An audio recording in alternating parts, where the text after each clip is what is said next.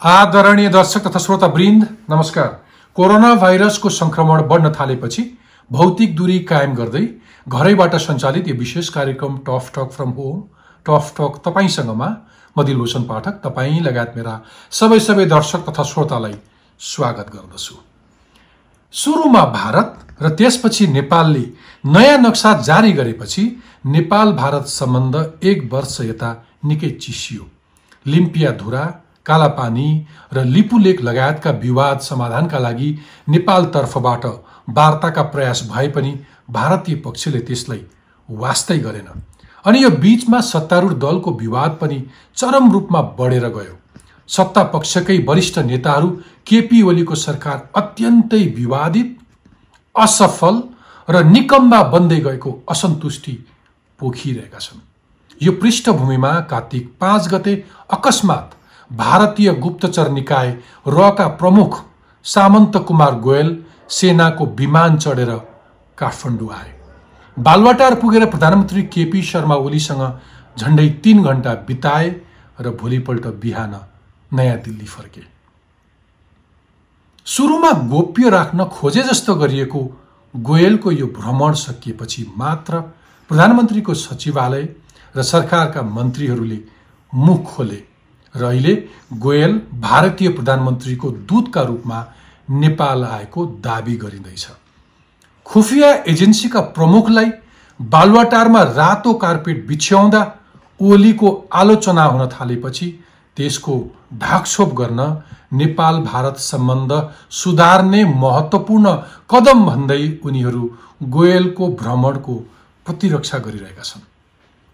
अनि यति नै बेला भारतीय स्थल सेनाध्यक्ष मनोज मुकुन्द नरवाडे आउँदो बिस गते नेपाल आउँदैछन् र नेपाली सेनाको मानार्थ महारथीको दर्जा ग्रहण गर्दैछन् मानार्थको महारथीको दर्जा दिइने भारतीय सेना प्रमुख तिनै हुन् जसले नेपालको अतिक्रमित भूमिबारे विवादित अभिव्यक्ति दिएका थिए र उनको सर्वत्र आलोचना भएको थियो अहिले राजनीतिक तथा कुटनीतिक मामिलाका जानकारहरू रका प्रमुखको भ्रमणले नेपाल भारत सम्बन्ध फेरि खुफिया एजेन्सीको हातमा पुगेकोमा चिन्ता व्यक्त गरिरहेका छन्। नेपालमा सशस्त्र द्वन्द्वकाल शान्ति प्रक्रिया र संविधान निर्माणका बेला नेपालमा गुप्तचर संयन्त्रको व्यापक चलखेल हुन्थ्यो। संविधान निर्माणपछि भने भारतीय गुप्तचर संयन्त्रको प्रभाव घट्यो भनिन्छ। दुवै मुलुकका प्रधानमन्त्री स्तरका भ्रमण भए। त्यसले नेपाल भारत सम्बन्ध राजनीतिक र कुटनीतिक तहमा उक्लियो। तर अहिले नक्सा विवाद समाधानका लागि राजनीतिक र कुटनीतिक संवादको सुरु नहुँदै गुप्तचर प्रमुखलाई प्रधानमन्त्री ओलीले बालुवाटारमा निम्त्याएपछि दुई मुलुकको सम्बन्धमा फेरि गुप्तचर संयन्त्रले प्रवेश पायो भनिँदैछ। दल र सरकारका काममा व्यापक आलोचना खेपिरहेका प्रधानमन्त्री ओली सामु अहिले अनेक प्रश्न तेर्सिएका छन्। नेपाल र भारतको सम्बन्ध अब फेरि राजनीतिक र कुटनीतिक तहबाट खुफिया एजेन्सीको तहमा झरेको हो। प्रधानमन्त्रीले गुप्तचर प्रमुखलाई गोप्य भेट्नु कुटनीतिक प्रोटोकलभित्र पर्छ। राजनीतिक रूपमा वार्ता हुनै नसक्ने भएर खुफिया परिचालन गरिएको हो।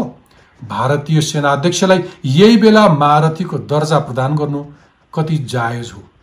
झन्डै दुई तिहाई जनमतको प्रधानमन्त्री बनेका केपी शर्मा ओलीका कदम किन एकपछि अर्को विवादमा पर्दैछन्? नेकपाले पाएको जनमत र अहिले उसले गरिरहेका गतिविधि कति विरोधाभासपूर्ण छन्?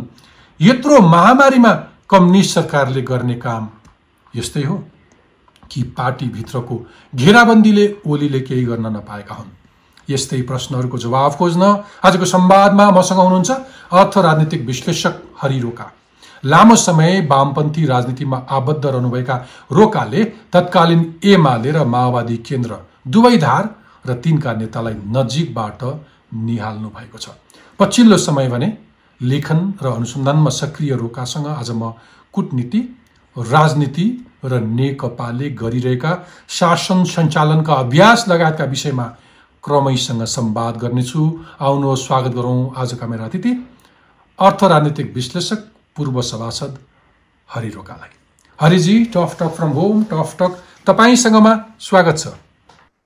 धन्यवाद। आराम हुनुहुन्छ? केमा व्यस्त हुनुहुन्छ आजकल? लेखापढी नै हो। लेख्ने पढ्ने काम भइरहेका छ।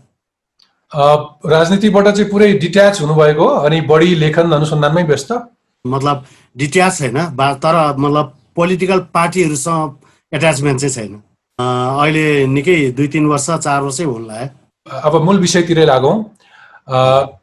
नेपाल र भारतको यो सम्बन्ध अलिकति चिसिरहेका बेला अचानक कार्तिक पाँच गते भारतीय गुप्तचर निकाय रका प्रमुख सामन्त कुमार गोयलले नेपाल आएर जुन तरिकाले प्रधानमन्त्री केपी शर्मा ओलीलाई भेटेर फर्किए यो भेट कति स्वाभाविक हो अथवा कति अस्वाभाविक हो?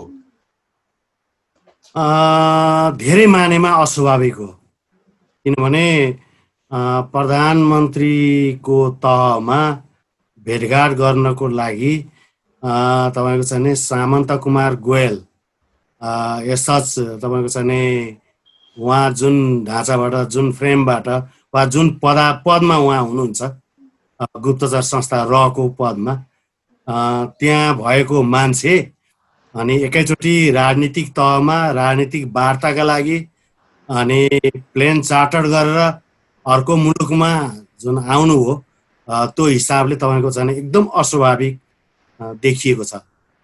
ओके पछिल्लो टिप्पणी नि यो पर्टिकुलरली माओवादी सशस्त्र द्वन्द्वका बेलामा अथवा हामी शान्ति प्रक्रियामा आउँदै गर्दाखेरि अथवा विशेष गरी संविधान निर्माणका बेलामा अहिले हामीले भनिरहेका गुप्तचर संस्थाहरू अति धेरै हावी थिए तर जुन स्पिरिटका साथ हाम्रा नेताहरूले संविधान जारी गरे त्यो क्रममा टुटेको थियो भनेर भनिन्छ।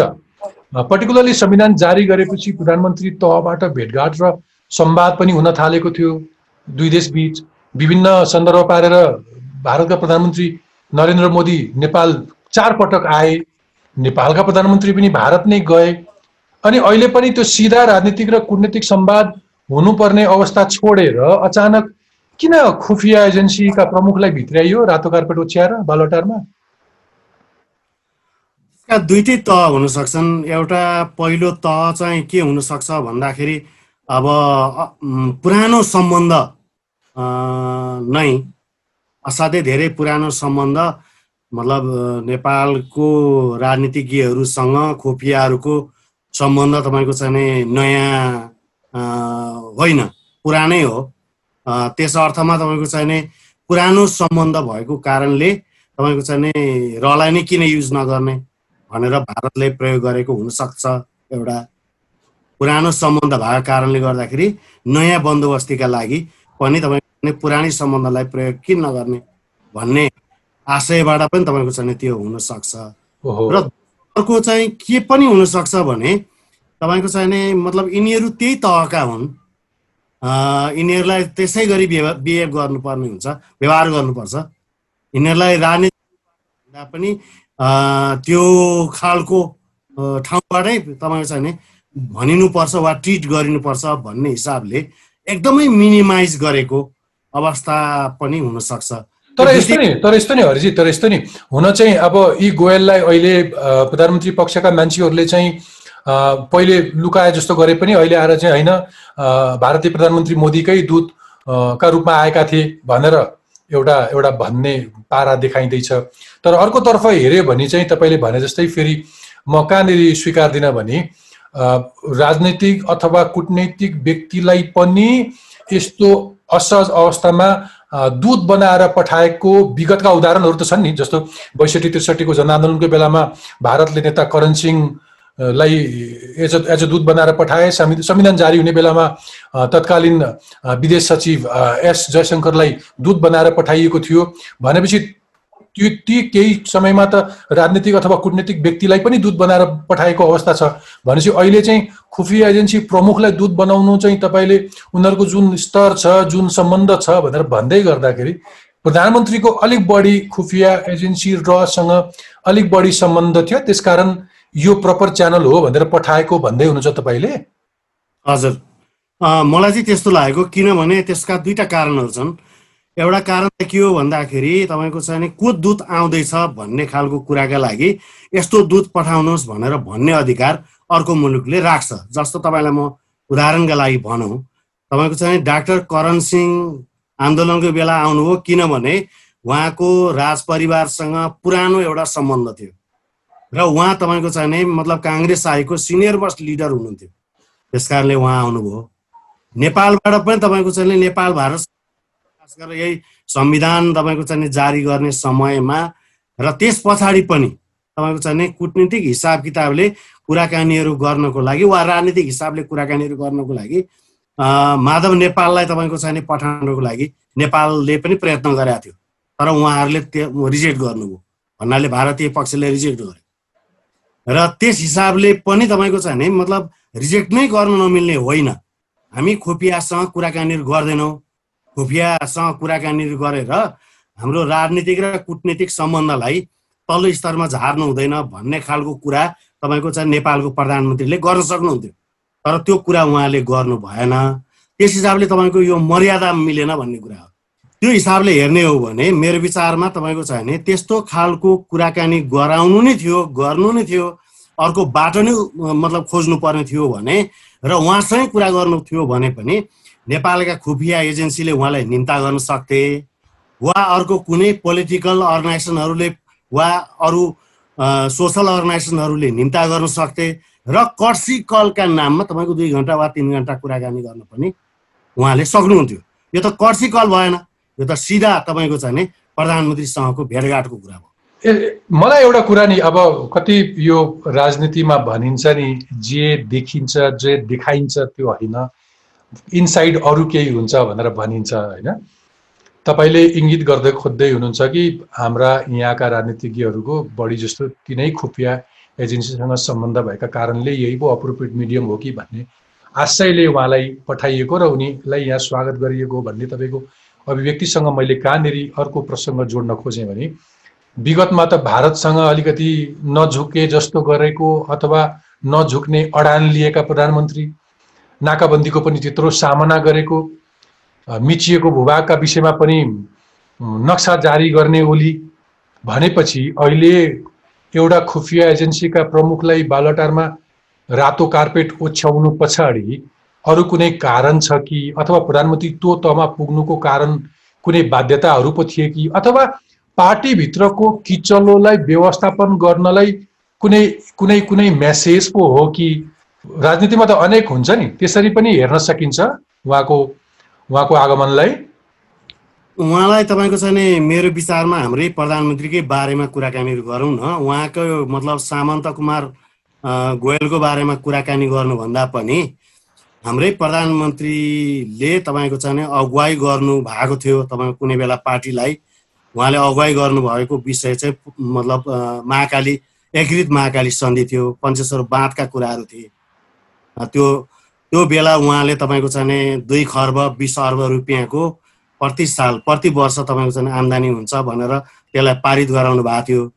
र त्यो बलमा नै तपाईँको चाहिँ त्यस पछाडि उहाँले अरू उहाँ एट्याच भएका अर्गनाइजेसनहरू जस्तो तपाईँको चाहिँ मदन भण्डारी फाउन्डेसनको कुरा गर्नुहोस् यसका क्रियाकलापहरूलाई हेर्नुहोस् त्यसले प्राप्त गरेको सहयोग राशिहरूलाई हेर्नुहोस् अनि यो जम्मै कुराहरूले पनि तपाईँको चाहिँ मतलब सबै कुराहरूलाई हामीलाई तपाईँले अप्ठ्यारो परेको बेलामा वा हाम्रा सम्बन्धहरूलाई तपाईँले यसरी चाहिँ सपोर्ट गर्न सक्नुहुन्छ भन्नका लागि तपाईँको चाहिँ यो एजेन्सीलाई नै तपाईँको भारतीय राजनीतिज्ञहरूले वा प्रधानमन्त्री मोदी भारतीय प्रधानमन्त्री मोदीले प्रयोग गरेको हुनसक्छ। पहिलो कुरा मलाई यस कारणले मैले भनिरहेको छु। दोस्रो कुरा तपाईँको चाहिँ जुन बेला जुन हिसाब किताबले तपाईँको चाहिँ नाकाबन्दी भयो त्यो नाकाबन्दी लाग्दाखेरि ला लाग्ने बेलामा तपाईँको चाहिँ सुशील कोइराला प्रधानमन्त्री हुनुहुन्थ्यो। यो पनि हामीले बिर्सनु हुँदैन। र त्यस तपाईँको चाहिँ संविधान जारी गरिसकेपछि जारी गर्नुपर्ने बाध्यात्मक स्थिति पनि थियो नेपालमा त्यो बेला होइन? अनि नत्र भने तपाईँको चाहिँ के हुनसक्छ भन्ने खालको अड्कल तपाईँको चाहिँ मेजर त्यतिखेरका तिनवटा पोलिटिकल पार्टीहरूले अड्कल काटेरै तपाईँको चाहिँ संविधानलाई हतारमा तपाईँको जारी गर्नुपर्ने परिस्थिति बनाएको थियो। त्यसलाई तपाईँको चाहिँ भारतले आफ्ना हिसाब किताबले क्यालकुलेसन गर्यो होला। त्यो कुरालाई पनि हामीले मध्यनजर राख्नुपर्ने हुन्छ। र त्यसपछि आएर तपाईँको चाहिँ भने यो लिम्पिया धुरा कालापानीका कुराहरू तपाईँको चाहिँ गएको वर्ष नोभेम्बर महिनामा एक वर्षै अगाडि भनौँ न एक वर्ष अगाडि तपाईँको चाहिँ यो पनि दुई तारिक नै हो क्या अरे नोभेम्बर दुई तारिकमा। तपाईँको चाहिँ जुन मतलब नक्सा चाहिँ नि बाहिर लिएर आयो भारतले। त्यो जारी गरिसकेपछि नै तपाईँको चाहिँ नेपालले आफ्ना खालका मुद्दाहरूलाई उठायो र तपाईँले पछिल्लो तपाईँको चाहिँ नीति कार्यक्रम जुन गएको तपाईँको चाहिने जेठ महिनाको पहिलो हप्तामै जेठ महिनामा नै होइन वैशाखमै नीति कार्यक्रम जुन राष्ट्रपतिको हातबाट वाचन गर्न लगाइयो। उहाँले तपाईँको वाचन गरेको तपाईँ हेर्नु हो भने लिम्पियाधुरा कालापानीका बारेमा वा तपाईँको चाहिँ भारतले सडक निर्माण गरेको बारेमा पनि तपाईँको त्यसको प्रसङ्ग जहाँ जसरी भनिएको छ र पछाडि जुन बाध्यात्मक स्थिति आम नेपाली जनता उठिसकेपछि धेरै मान्छेहरूले तपाईँको लेख्ने र पढ्ने र कुराकानी उठाउन थालेपछि मात्रै तपाईँको त्यसलाई सच्याएर तपाईँको छ भने मतलब ल्याइएको हो र संविधानको अहिले पाठ बनाइयो। र संविधानको पाठ बनाइसकेपछि पनि अहिले जुन खालको कुराकानीहरू भयो त्यसलाई तपाईँको सिलसिलेवार रूपबाट हेऱ्यो भने तिनवटा कुराहरू देखिन्छन्। पहिलो कुरा के देखिन्छ भने सरकारले तपाईँको चाहिँ नि मतलब यो चाहिँ नि किताबमा छापिएको नौदेखि बाह्रसम्म पढाइ हुने किताबलाई प्रतिबन्ध आफैले लगायो। दोस्रो तपाईँको चाहिँ नि ईश्वर पोखरेल जो तपाईँको रक्षा मन्त्री हुनुहुन्थ्यो उहाँ रक्षा मन्त्रीबाट बिना विभागीय प्रधानमन्त्रीको कार्यालय हेर्ने मन्त्रीको रूपबाट स्थानान्तरण गरियो। र तेस्रो पक्ष पनि हेर्नुभयो भने तपाईँको छैन मतलब यो अरू सबै कुराहरूमा हल्ला हुने कुराकानीहरू हुने छलफल हुने र तपाईँको चाहिँ भारतसँग हाम्रो एकदम अहिले सम्बन्धहरू एकदमै अप्ठ्यारोमा छन् भन्ने खालको कुराहरू हुँदा हुँदै तपाईँको चाहिँ जुन हिसाब किताबले सार्वजनिक रूपबाट नै निमन्त्रणा आमन्त्रण गर्नुपर्ने वा तपाईँको चाहिँ अरू पोलिटिकल पार्टीहरूको बिचमा हामी छलफल र बहस गर्छौँ भन्ने खालको कुराकानी गर्नुपर्ने। यी तिनटै कुराहरू चाहिँ भएन। यो नभइकन तपाईँको चाहिँ यो त तपाईँको नेपाल भारत सम्बन्धको कुरा सरकारको कुरा मात्रै होइन।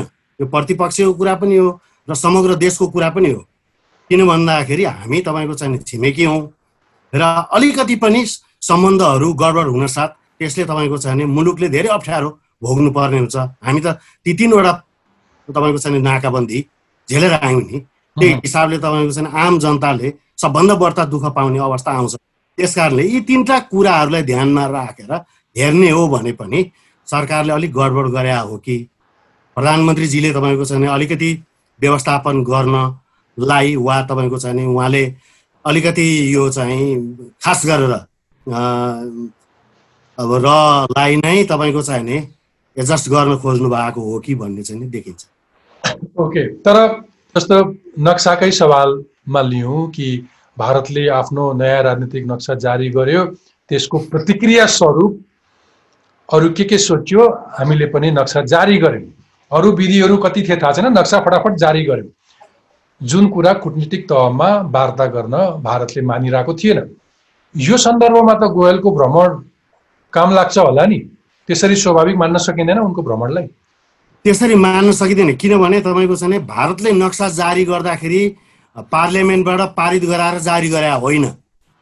नोभेम्बरमा जारी गर्दाखेरि उसले गएको वर्ष नोभेम्बरमा जारी गर्दा पार्लियामेन्टमा पारित गराएर हाम्रो यो हो भनेर गरे होइन। सरकारले बलमिचाइ गरेको भारतीय सरकारले। हामी कहाँ जारी गर्दा हामी तपाईँको चाहिँ दुई तिहाई बहुमतले मात्रै होइन एब्सोल्युट पूर्ण बहुमतका साथ तपाईँको संसदले जारी गरेको। संसदले जारी गरेको विषय सर्वदलीय मतलब सहमतिमा जारी गरेको विषय सानो कुरा होइन यो।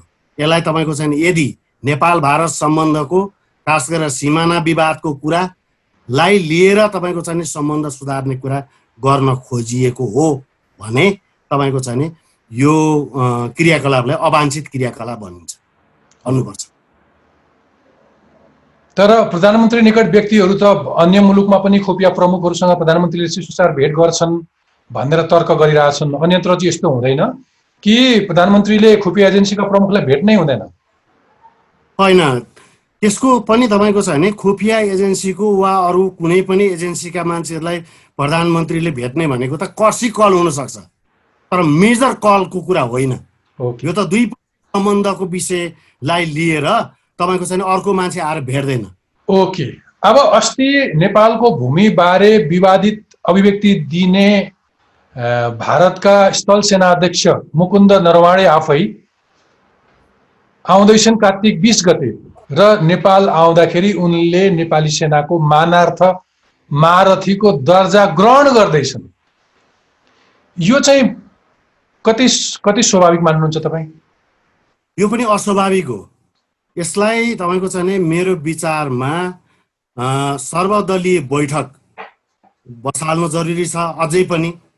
र अहिले पनि तपाईँको चाहिँ उहाँको उहाँलाई आमन्त्रण गर्ने कि नगर्ने उहाँले आमन्त्रण माग्दाखेरि दिने कि नदिने भन्ने बारेमै पनि सर्वदलीय बैठक हुनु जरुरी थियो। किनभने उहाँले तपाईँको सार्वजनिक रूपबाट भारतीय मिडियाहरू मार्फत उहाँले जे कुरा व्यक्त गर्नुभयो चिनको उक्साटमा तपाईँको चाहिँ भारतसँग मतलब सम्बन्ध बिगारेको नक्सा जारी गरेको भन्ने जुन आक्षेप लगाउनु भयो उहाँले त्यसमा त केही सुधार त गर्नु भएको छैन। उहाँ एकजना व्यक्ति मात्रै होइन इन्स्टिट्युसन पनि हो। र त्यति मात्रै होइन नेपालसँग यसकारण सम्बन्ध छ नेपालका चालिस हजार जवानहरू भारतीय सेनामा छन् र त्यो सेनाको पनि उहाँ सेनापति हो। त्यस हिसाबमा नेपालीहरू संलग्न भएको विषय र नेपालको स्वाभिमानमा आँच आउने खालको कुराकानीहरू गरेर जुन कुरा उहाँले राख्नुभयो त्यसमा कुनै स्पष्टीकरण न नगरिकन स्पष्टीकरण नदिकन उहाँलाई निम्ता गरेर ताज पहिला मतलब पहिला के अरे पहिर्याउने जुन कुरा हो त्यो तपाईँको चाहिँ अप्ठ्यारो कुरा हो जस्तो लाग्छ मलाई। ओके तपाईँ हरिजी तपाईँ लामो समय भारतमै बसेर अध्ययन गर्नुभयो। त्यो बिचमा यस्तो समयमा अध्ययन गर्नुभयो कि नेपालको महत्त्वपूर्ण कालखण्डहरू अब्जर्भ गर्नुभयो इन्डियाको नेपालको सम्बन्ध अघि हामीले भने जस्तै खुफिया एजेन्सीहरूको रग रग मैले सही शब्द प्रयोग गरेँ गरिनु थाहा छैन। दुई हजार सात सालदेखि नै नेपालको राजनीतिक प्रशासनिक तहमा भारतीयको प्रभाव हामी नकार्नै सक्दैनौँ अत्याधिक छ। पञ्चायतकाल अथवा सशस्त्र द्वन्द्वको समयमा समेत राजनीतिक सेल्टर लिने ठाउँ नै भारत बन्यो। अहिले नेताले जति कुरा गरे पनि। अहिले अहिले पनि कुनै पनि विषय आउने बित्तिकै भारत जोडिहाल्छ। अब एउटा खुफिया एजेन्सीको रका प्रमुख आउँदै गर्दाखेरि यहाँ यस्तो किसिमको राजनीतिक तरङ्ग उत्पन्न भयो। नेकपामा पर्टिकुलरली सत्तारूढ पार्टीमा प्रवक्ता नारायण काजी श्रेष्ठले सार्वजनिक रूपमै आपत्ति जनाए। प्रचण्ड र माधव नेपालले पनि आफूहरूले हामीले भेटेका छैनौँ है भनेर फटाफट स्पष्टीकरण दिनुभयो। पार्टीको आन्तरिक विवाद यसरी चर्किरहेको बेलामा यो यो भ्रमणमा अरू इन्साइट्सहरू पनि तपाईँले अघि भन्दै गर्दा थप्न छुटाउनु भएको छ कि किन यो चोरको दारीमा सिङ्का भन्ने बित्तिकै फटाफट मान्छेले हात आफ्नो दारीतिर लगेर सिङ्का छ कि देखिन्छ कि भनेर झार्न खोज्छन्? त्यसको एउटा अर्थ छ के छ भन्नुहुन्छ भने नेपाल भारत सम्बन्ध पुरानो सम्बन्ध हो। नेपाल भारत सम्बन्ध सम्बन्ध सधैँ रहनुपर्छ र रहन्छ। यो मतलब यसलाई तपाईँको चाहिँ यो अकाटी सत्य हो। भारतलाई पन्छाएर तपाईँको चाहिँ हाम्रो राजनीति पनि चल्दैन हाम्रो व्यापार पनि चल्दैन हाम्रो बिजनेस केही चल्दैन। तर हामीले खोजेको अहिलेको एक्काइसौँ शताब्दीको हामी सत्तरी वर्षभन्दा अगाडिको नेपाल होइन। हामीसँग त्यतिखेर तपाईँको चार सय मात्रै ग्रेजुएट भएको देश थियो त्यो बेला। हामीसँग अहिले तपाईँको चाहिँ मुलुकमा धेरै ठुलो मेन पावर बनिसकेका छ। हामीसँग ह्युमेन क्यापिटलको खाँचो छैन। हामीलाई तपाईँको आफूले आफूलाई व्यवस्थित गर्न र हाम्रो दुःख हाम्रो अप्ठ्यारो हाम्रो समस्याको पहिचान गर्नको लागि वा हाम्रा समानाहरूको खोजी गर्नको लागि विदेशीहरूको खाँचो पर्दैन यस्तो अवस्थामा हामीले भारतसँग राजनीतिक सम्बन्ध राख्नुपर्छ कुटनीतिक सम्बन्ध राख्नुपर्छ। खुफिया वा ब्युरोक्रेटिक सम्बन्ध होइन। हामीले तपाईँको चाहिँ तल्लो स्तरको सम्बन्धलाई कायम गर्ने होइन। जनतादेखि जनतासँगको सम्बन्ध कायम गर्न कायम गर्न सकिन्छ। यो भनेको पिपुल्स टु पिपुल रिलेसन भन्नाले एउटा प्रोफेसर अर्को प्रोफेसरसँग कुरा गर्न सक्छ एउटा विद्यार्थी अर्को विद्यार्थीसँग कुरा गर्न सक्छ। एउटा तपाईँको चाहिने साहित्यकार अर्को साहित्यकारसँग कुरा गर्न सक्छ एउटा पत्रकार अर्को पत्रकारसँग कुरा गर्न सक्छ अर्को मुलुकको पत्रकारसँग। र तपाईँको चाहिँ पोलिटिसियन पोलिटिकल पार्टीहरू अर्को पोलिटिकल पार्टीसँग कुरा गर्न सक्छन्। तर खुफिया एजेन्सीसँग ब्युरोक्रेसीसँग होइन। यो अलग्ग धार हो।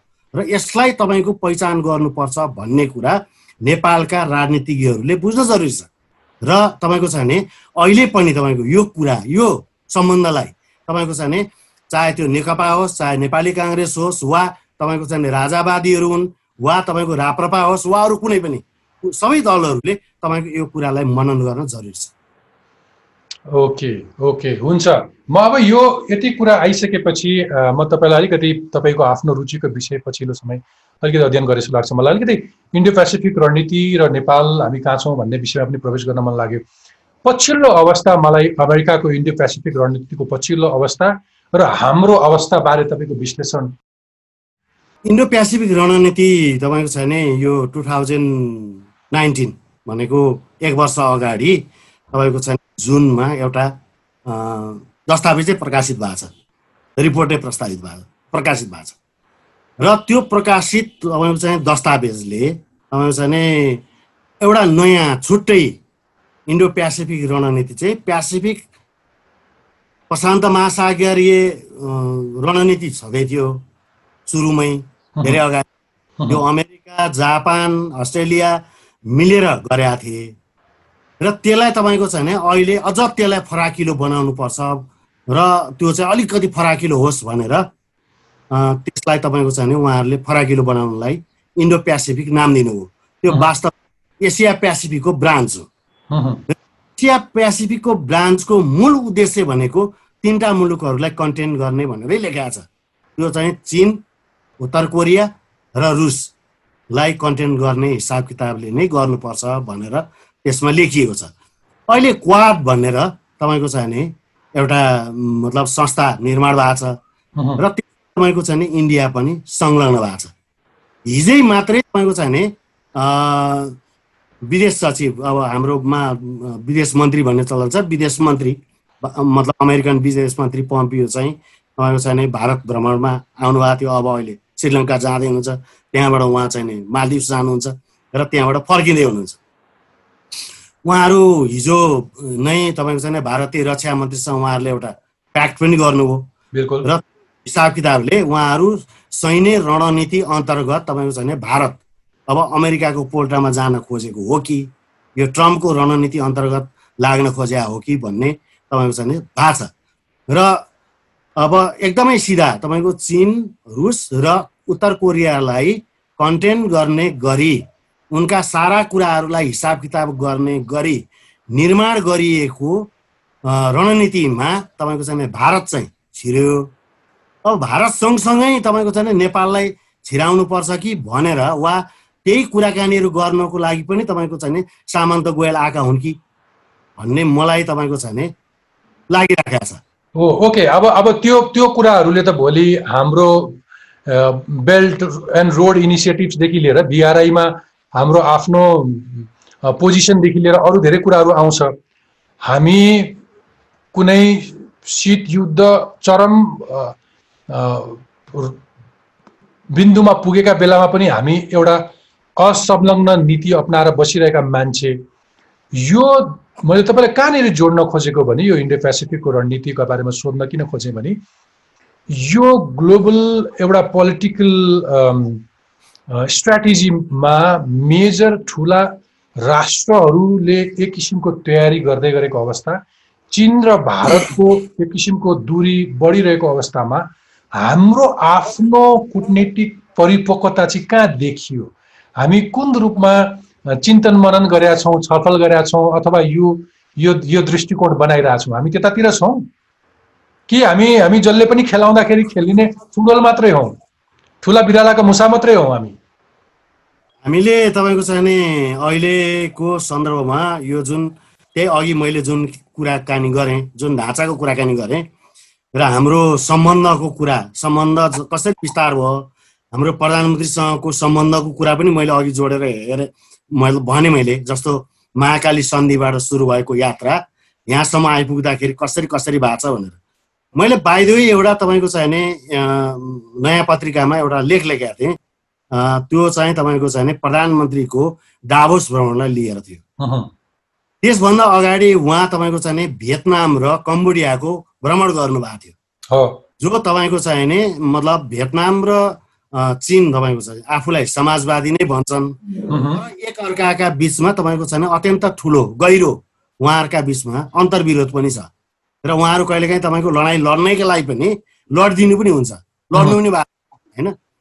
र त्यसले गर्दाखेरि हामी कहाँ उहाँको जुन खालको भ्रमण भयो र जुन खालले उहाँ डाभोस पुग्नुभयो त्यस पछाडि तपाईँको चाहिँ नि पछिल्लो चरणमा उहाँ जसरी जानुभयो र त्यसको लगतै पछाडि तपाईँको चाहिँ मतलब हाम्रा परराष्ट्र मन्त्रीले अहिलेकै अमेरिकी जुन तपाईँको चाहिँ नि सचिव हुनुहुन्छ परराष्ट्र सचिव उहाँसँग पम्पियोसँग नै तपाईँको हातेमालो गरेर उहाँ तपाईँको चाहिँ इन्डो पेसिफिकको मेम्बरै लिइसक्यो भनेर त पम्पियोले त दाबी नै गर्नुभयो।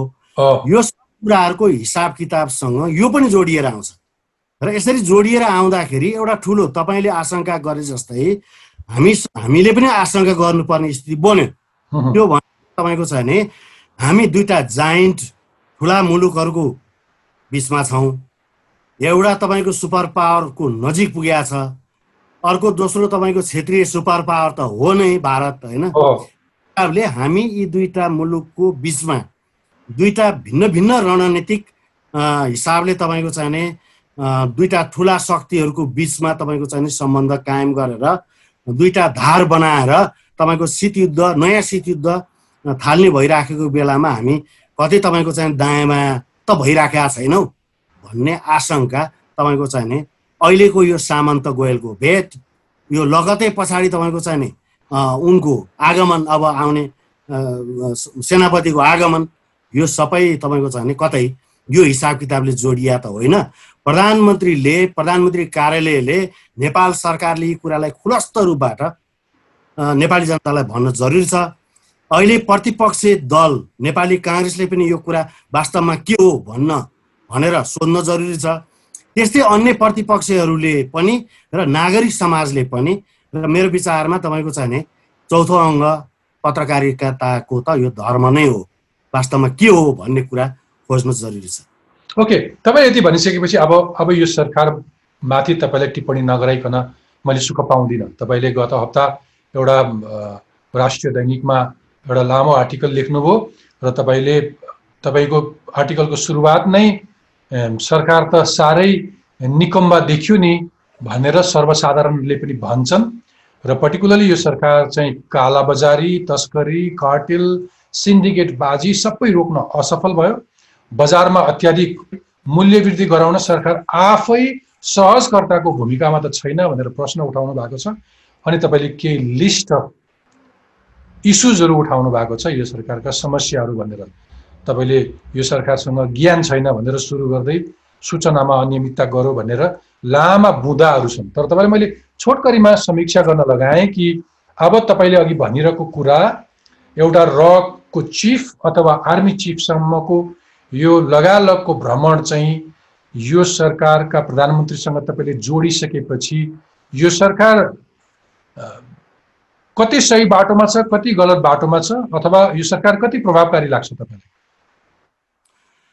सरकारले तपाईँको चाहिँ नि जब जनताको विश्वास गुमाउँदै जान्छ जब तपाईँको चाहिँ नि आफ्ना मान्छेहरूलाई खास गरेर सरकारका तपाईँको चाहिँ नि कामहरू थुप्रै हुन्छन्। खास गरेर सरकार भन्ने बित्तिकै तपाईँको चाहिँ नि अ, उसले दसवटा भूमिका निर्वाह गर्नुपर्ने हुन्छ। त्यो दसवटा भूमिका निर्वाह गर्नुपर्ने भनेको एउटा त तपाईँको चाहिँ नि भाइलेन्समाथिको अराजकतामाथि वा तपाईँको चाहिने दण्डहीनतामाथि स्वामित्व चाहिने मतलब ग्रहण गर्नुपर्छ राष्ट्रले। भनेको तपाईँको चाहिँ शान्ति सुरक्षा व्यवस्थापन सबै त गर्ने। एउटा एडमिनिस्ट्रेटिभ कन्ट्रोल अर्थात् तपाईँको कर्मचारी तन्त्रमाथि नियन्त्रण हुनु पर्यो दोस्रो अब तेस्रो तपाईँको चाहिँ नि साउन्ड म्यानेजमेन्ट हुनु पर्यो पब्लिक फाइनेन्सको होइन. आर्थिक वा वित्तीय जुन व्यवस्थापन हो त्यसमा साउन्ड हुनु पर्यो। तपाईँको इन्भेस्टमेन्ट क्यापिटल इन्भेस्टमेन्ट खास गरेर यो चाहिँ सामाजिक शिक्षा स्वास्थ्यमा तपाईँको चाहिँ लगानी भरपुर लगानी हुनु पर्यो त्यसलाई नियन्त्रण गर्ने एउटा बात बनाउनु पर्यो। त्यसपछि आएर अर्को तपाईँको सोसल पोलिसी खास गरेर आम मान्छेको नागरिक जस्तो तपाईँको चाहिँ संविधानमा उल्लेख गरिएका चौतिसवटा चाहिँ हकहरू छन् अधिकारहरू छन् नागरिक अधिकारहरू। तिनीहरूलाई सुरक्षित गर्नको लागि तपाईँको चाहिँ नर्म्स भ्यालु र तपाईँको चाहिँ अर्को एउटा खास गरेर संस्थागत कसरी गर्ने भन्ने खालको व्यवस्थापन गर्न पर्ने हुन्छ होइन? त्यसपछि आएर बजार कसरी व्यवस्थापन गर्ने उत्पादन भएका सामग्रीहरूको व्यवस्थापन कसरी गर्ने तिनको फ्यासिलि तिनलाई फेसिलिटेट कसरी गर्ने तिनलाई व्यवस्थित रूपबाट कसरी हरिजी हरिजी तर यो यो यो त तपाईँ एउटा अर्थ राजनीतिक बुझेको मान्छेले यो कुराहरू भन्नुभयो। तर यो यो यो भन्ने मामिलामा यो यो यो दुई हजार पन्ध्र सालको बिपी कोइरालाको सरकारपछि सबैभन्दा शक्तिशाली मानिएको यति ठुलो जनमत लिएर आएको सरकारका प्रधानमन्त्रीले पनि सपना देखाउन त कहाँ बाँकी राखेको थियो? ठुल्ठुला ठुल्ठुला योजनाहरू थिए नि। उनका ठुल्ठुला भिजनहरू थिए नि। तर त्यो अनुसार उहाँलाई काम गर्न फेरि संयन्त्रले काम गर्न नसकेको अथवा धेरै जस्तो मानिसहरूले त पार्टीभित्रैबाट मलाई सहयोग गरेनन् अपनत्व लिन सकेनन् भनेर प्रधानमन्त्रीको गुनासो पनि त छ नि। हामीले दोष मात्रै देख्यौँ कि काम गर्ने वातावरणै बनाएनौँ कि त्यतातिर चाहिँ हामीले केही समीक्षा गर्नु पर्दैन। होइन उहाँले ठुल्ठुलो भिजन होइन उहाँले गफ प्रस्तुत गर्नुभयो। भिजन र गफमा फरक हुन्छ। भिजन भनेको चाहिँ तपाईँको त्यो भिजनलाई कार्यान्वयन गर्ने योजना हुन्छ संस्थागत गर्ने संस्थाहरू निर्माण गर्नुपर्ने हुन्छ। त्यसलाई कार्यान्वयन गर्ने तपाईँको स्पेसिफिक समूह ग्रुपहरू तयार गर्नुपर्ने हुन्छ। र त्यसलाई तपाईँको चाहिँ नि तलसम्म मेन्टेन गर्न सक्ने वा त्यो तपाईँको चाहिँ नि मतलब एक हिसाबले भोलिन्टियरिजमको विकास गरेर हुन्छ कि आम मान्छेको सहभागिता हुने गरी लैजानको लागि प्रयत्न गर्नु त्यस कारणले भिजन भनेको त्यो गफ चाहिँ के हुन्छ भने प्रशान्त महासागरको जहाज तपाईँको चाहिँ नि काठमाडौँ छेउको उसमा चाहिँ नदीमा ल्याइपुर्याउने भन्ने खालको गफ हुनसक्छ। गफले तपाईँको चाहिँ नि चुच्चे दुईवटा रेल तपाईँको चाहिँ एउटा दिल्लीबाट र अर्को बेजिङबाट काठमाडौँ जोड्ने भन्न सकिन्छ। तर त्यसलाई कार्यान्वयन गर्नको लागि चाहिँ योजना चाहिन्छ संस्थाहरू चाहिन्छन् र त्यसका लागि तपाईँको चाहिँ बजेटिङको आवश्यक हुन्छ र त्यसका लागि तपाईँको मेन पावर ह्युमन क्यापिटलको कुरा हुन्छ। यो कुरा नगरिकन गर्नु भने चाहिँ गफ हुन्छ। तर यस्तो नि तर यस्तो नि अब यो केही नभइरहेको मुलुकमा केही गर्नको लागि त मान्छेसँग केही गड्स पनि चाहियो आफ्नो कुनै एउटा स्टाइल पनि चाहियो होइन? मेरो प्रश्न के हो भने ओलीको कार्यशैलीमा अरू हिँड्न नसकेका हुन् या ओली अलिक बढी स्वेच्छाचारी भएका हुन्?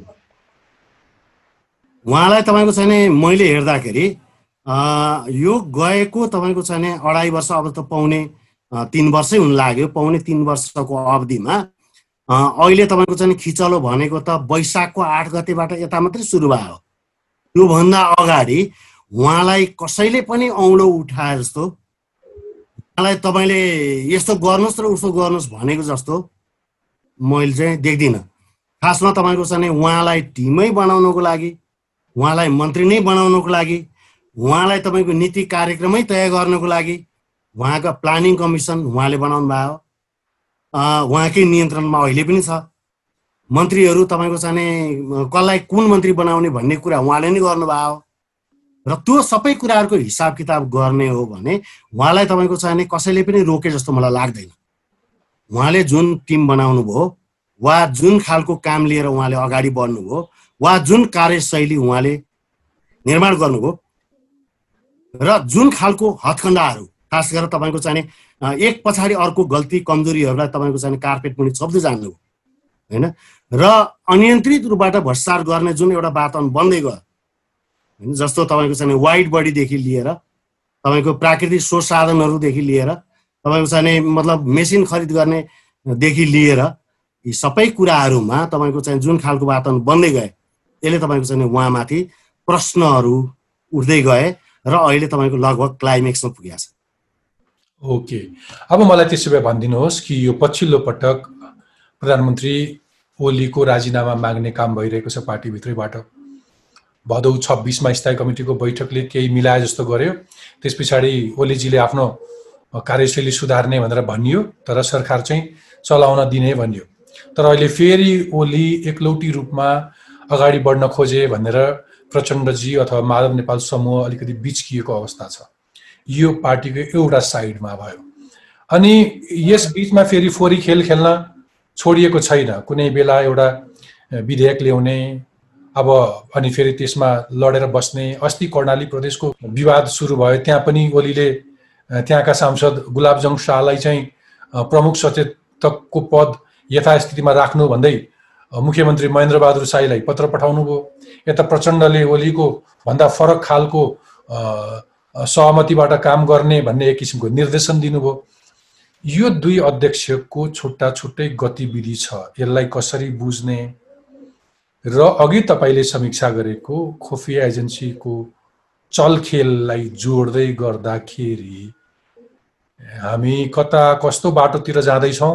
अलिकति आकलन पनि गर्न सक्नुहुन्छ? हामी तपाईँको नि बाटो त्यति धेरै सजिलो बाटोतर्फ उन्मुख छैनौँ। बडा अप्ठ्यारो बाटोतर्फै हो। नेपालमा तपाईँको भने सरदार नौ महिनाको मात्रै शासन रह्यो इन्स्ट्याबल भयो अस्थिर भयो। त्यस कारणले गर्दाखेरि सात सालदेखि अहिलेको हिसाब गर्दा औसतमा नौ महिना मात्रै शासन गर्न पाए।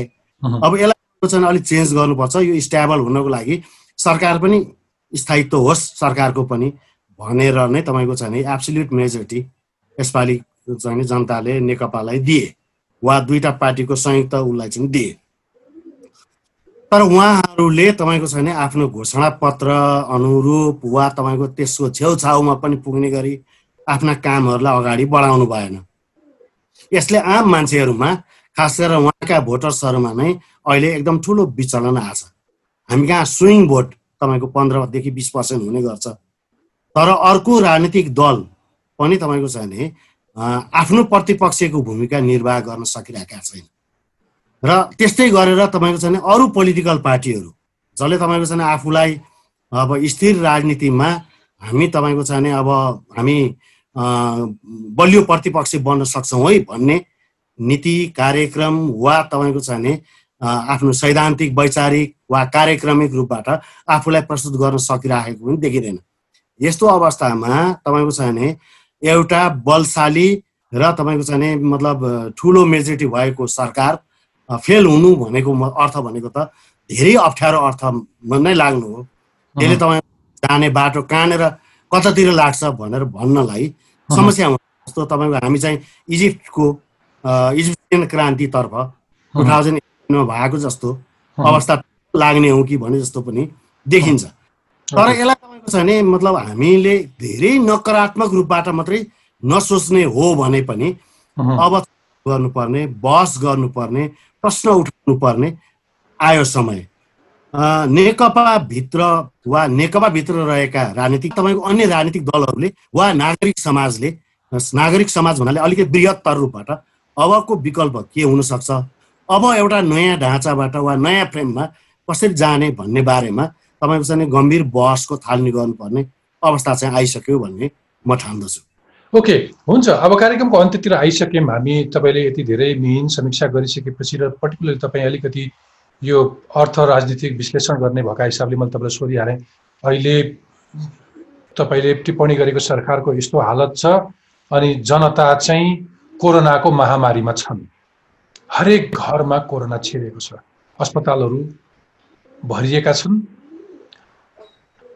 निश्चिन्त हुन सकेका छैनन् कि कोरोनाबाट कोरोना लाग्यो भने म बाँच्छु अथवा मैले कुनै स्वास्थ्य उपचार पाउँछु भनेर आम नागरिक।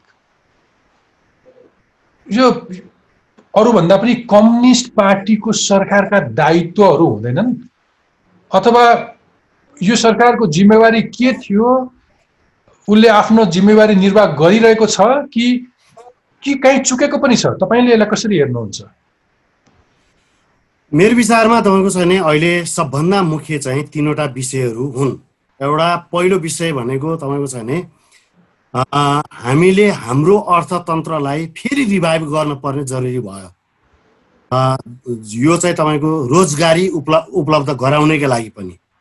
हामीसँग सरदार पाँच लाख सत्तरी हजार मान्छेहरू बजारमा आउँछन् श्रम बजारमा।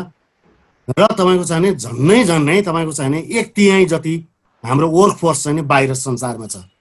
र त्यो वर्क फोर्स तपाईँको चाहिँ नि अब त्यहाँ काम गर्न नसक्ने वा त्यो डिक्रिजिङ पोजिसनमा छ ओह्रालो झर्दैछ र त्यसलाई तपाईँको नेपालमै खपत गराउनु पर्ने अवस्था पनि आउँदैछ। त्यस कारणले गर्दाखेरि जति फर्केका छन् एकदम पाँच दस पर्सेन्ट मात्रै फर्किया हुन् र धेरै मान्छेहरूलाई फर्काउनको लागि हामीले तपाईँको नयाँ अर्थतन्त्रको नयाँ रूप मा तपाईँको चाहिँ त्यसलाई सोच्नु पर्ने जरुरी छ। पहिलो कुरा। दोस्रो कुरा तपाईँको चाहिँ कोरोना महामारीले हामीलाई के देखायो भने हाम्रो स्वास्थ्य क्षेत्र सबभन्दा कमजोर छ।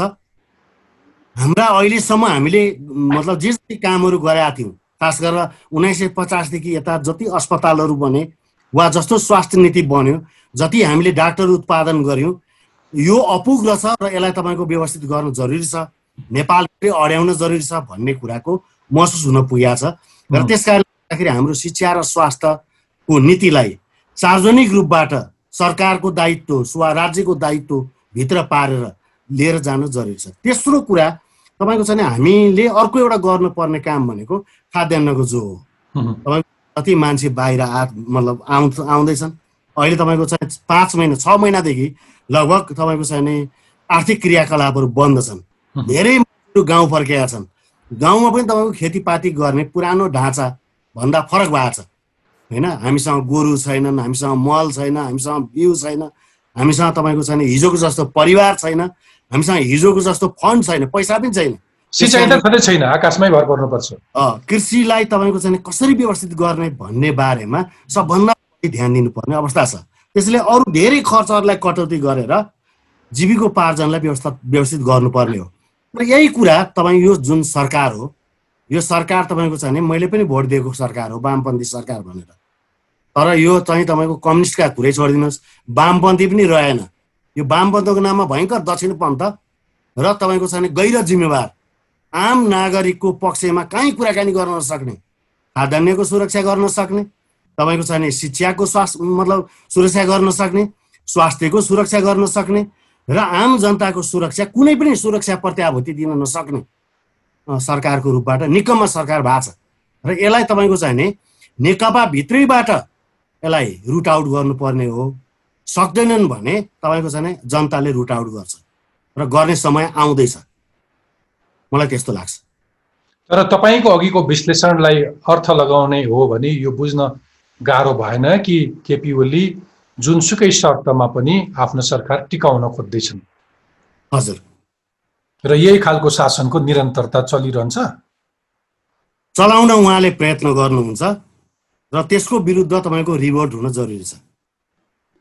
ओके तर फेरि अघि तपाईँले भने जस्तै खुफिया एजेन्सीहरू खुफिया एजेन्सीसँग म चाहिँ सबैभन्दा बढी वफादार छु भन्नेहरूको हानथाप पनि होला नि फेरि यहाँ होइन? त्यो चाहिँ कस्तो छ नि? अहिले त्यो हानथापले त तपाईँको चाहिँ खास फरक पार्दैन। मेरो विचारमा तपाईँको चाहिँ आम जनता सचेत भयो भने जस्तो तपाईँको चाहिँ भनौँ न नेपालको सन्दर्भमा पछिल्लो आन्दोलनको बेला जस्तो करण सिंह आएर पनि उनले तपाईँको चाहिँ जुन खालको फ्रेमभित्र राजनीतिलाई समेट्नको लागि प्रयत्न गरेका थिए त्यो फ्रेमलाई त नेपाली जनताले मानेन नि। तपाईँको कुरा मैले बुझेँ। तर मैले तपाईँलाई अब अघि हामीले त्यो एउटा एउटा सुशासनको एउटा सग्लो एउटा स्वच्छ राजनीतिले एउटा गति पाओस् नेपालीहरूले आफ्नो भविष्य आफूले निर्धारण गर्ने हो। नेताहरूमा एक किसिमको आत्मविश्वास हुनुपर्छ भन्ने खालको आशय त हो नि? एउटा कुनै खुफी एजेन्सीका बारेमा धेरै यति धेरै टिप्पणी गर्दै गर्दाखेरि। तर अहिलेको संवादलाई फेरि मैले काहीँ जोड्न खोजेँ तपाईँलाई मैले आग्रह गरेँ भने तपाईँलाई यो प्रश्नको जवाब दिन कति सजिलो हुन्छ। अथवा त्यो खुफिया एजेन्सीसँग तपाईँले अघि अरू धेरै यहाँका राजनीतिज्ञहरूको सम्बन्ध छ भनेर एउटा हिन्ट गर्दै गर्दाखेरि को को चाहिँ अलिक बढी नजिक छन् भनेर भन्न मिल्छ? अहिले अहिले केपी ओली नजिक देखिएको भनेर तपाईँले भने पनि अरू पनि नजिक त छन् नि। प्रचण्ड कति नजिक छन्? एकदमै। प्रचण्ड कति नजिक छन्? नजिक छन्। देउबा कति नजिक छन्? देउबा पनि नजिक छन्। केपी ओली त नजिक भइहाले। माधव कुमार नेपाल माधव कुमार नेपाल। एकदमै। उहाँ पनि नजिकै हुनुहुन्छ। झलनाथ खनाल? झलनाथ खनालको बारेमा भन्न सकिँदैन। आफै बुझ्ने। हजुर। ईश्वर पोखरेल? भन्न सकिँदैन उहाँको बारेमा वामदेवजी उहाँ त तपाईँको चाहिँ महाकाली सन्धिको विरोधमा उभिनु भएको थियो। बाबुराम भट्टराई? उहाँ त तपाईँको उहाँ हिन्स बुझ्नुहुन्छ। होइन कति धेरैको चाहिँ फेरि देखेको र नदेखेको फरक हुन्छ देखिए जस्तो हुँदैन भन्छ नि उहाँ देखिए जस्तै देखिनुहुन्छ। भनेपछि तपाईँ यो भन्दै हुनुहुन्छ कि भारतीय खुफिया एजेन्सी र अथवा भारतसँग सबै नेताहरू परास्त छन् भन्ने हिन्ट दिँदै हुनुहुन्छ। किनभने लामो समय तपाईँको पोलिटिकल एक्टिभिटिजहरू वा पोलिटिकल रिलेसन रहेन। खास गरेर बिपी कोइराला र पछिल्लो चरणमा मनमोहन अधिकारीको सरकार पछाडि हामी कहाँ तपाईँको चाहिँ हाम्रा सरकारहरूको बिचमा राजनीतिक सम्बन्ध भन्दा ब्युरोक्रेटिक र खुफिया सम्बन्ध रह्यो रहँदै आयो। त्यसले गर्दाखेरि खुफियाहरूले तपाईँको चाहिँ खोपीमा पुग्ने मौका पाए।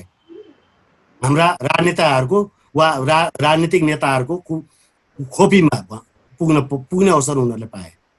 पोलिटिकल रिलेसन रहेन। मैले अघि भने पिपुल्स टु पिपुल रिलेसन भनेको पोलिटिकल पार्टीहरूको बिचको रिलेसन प्रोफेसरहरूको बिचको रिलेसन पत्रकारहरूको बिचको रिलेसन इन्टेलेक्चुअलहरूको बिचको रिलेसन यो चाहिँ पिपुल्स टु पिपुल रिलेसन बनाउने कुराहरू हुन्। यो कमजोर भएपछि खुफियाहरू ब्युरोक्राट्सहरू नै हाबी हुने हुन्। हरिजी तर म अक्सर यो कार्यक्रम बिट मार्नु अलिकति पोजिटिभ नोटमा बिट मार्छु। यसलाई अलिकति पोजिटिभ नोटमा बिट मार्दाखेरि चाहिँ यो यो किसिमको फोरी अथवा यो किसिमको लोभी भनौँ न लोभी हो नि लोभले हो नि यस्तो लाग्छ यो खालको यो खालको लोभी राजनीतिबाट अलिकति स्वच्छ अलिक इमान्दार राजनीतितर्फ अगाडि बढ्न तपाईँको केही टिप्स लिन्छु अनि म कार्यक्रमलाई बिट मार्छु। के त? वाट नेक्स्ट मेरो तपाईँले अघि कल गर्नुहुन्थ्यो people to people people powerful हुनुपर्छ पिपलले रियाक्ट गर्नुपर्छ भनेर भन्दै हुन्थ्यो। म पनि पिपल सिटिजन अथवा सिभिल सोसाइटीको मेजर रोल हुन्छ राजनीतिकलाई शुद्ध बनाउनलाई देशलाई अगाडि बढाउनलाई भनेर भन्छु नै। तपाईँको मुखबाट फेरि सुन्छु। मेरो विचारमा तपाईँको चाहिँ अहिलेका युवाहरू अहिले तपाईँको चाहिँ बजारमा पुस्तक बजारमा पुस्तकहरूको बिक्री हेर्दा युवाहरूले थुप्रै पुस्तकहरू किन्छन् र पढ्छन् भन्ने बुझिन आएको छ।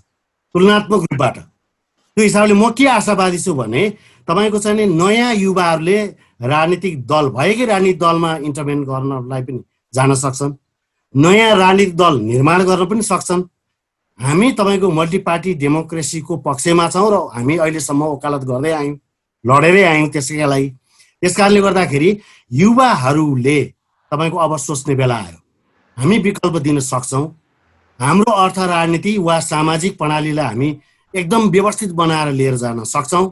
भुइँसम्म वा अर्थात् तपाईँको आम जनताको तहसम्म एउटा नयाँ राजनीतिक वातावरण तयार गर्न सक्छौँ भन्ने आँट लिएर तपाईँको चाहिँ कोही आउने हो भने तपाईँको एउटा नयाँ तर तर हरिजी अब फेरि म एन्ड गर्न खोजेको तर फेरि अर्को कुरा आइहाल्यो तर एक दुईवटा देखेका युवा अलिकति आश लाग्दा नेताहरू पनि तिनै करप्ट तिनै अघि तपाईँले भने जस्तै खुफी एजेन्सीबाट चल्ने मान्छेहरूको एजेन्डा बोकेर हिँड्दै भने त फेरि अर्को युवा जमातलाई अथवा युवा पुस्तालाई अर्को धोका हुने भयो नि फेरि होइन?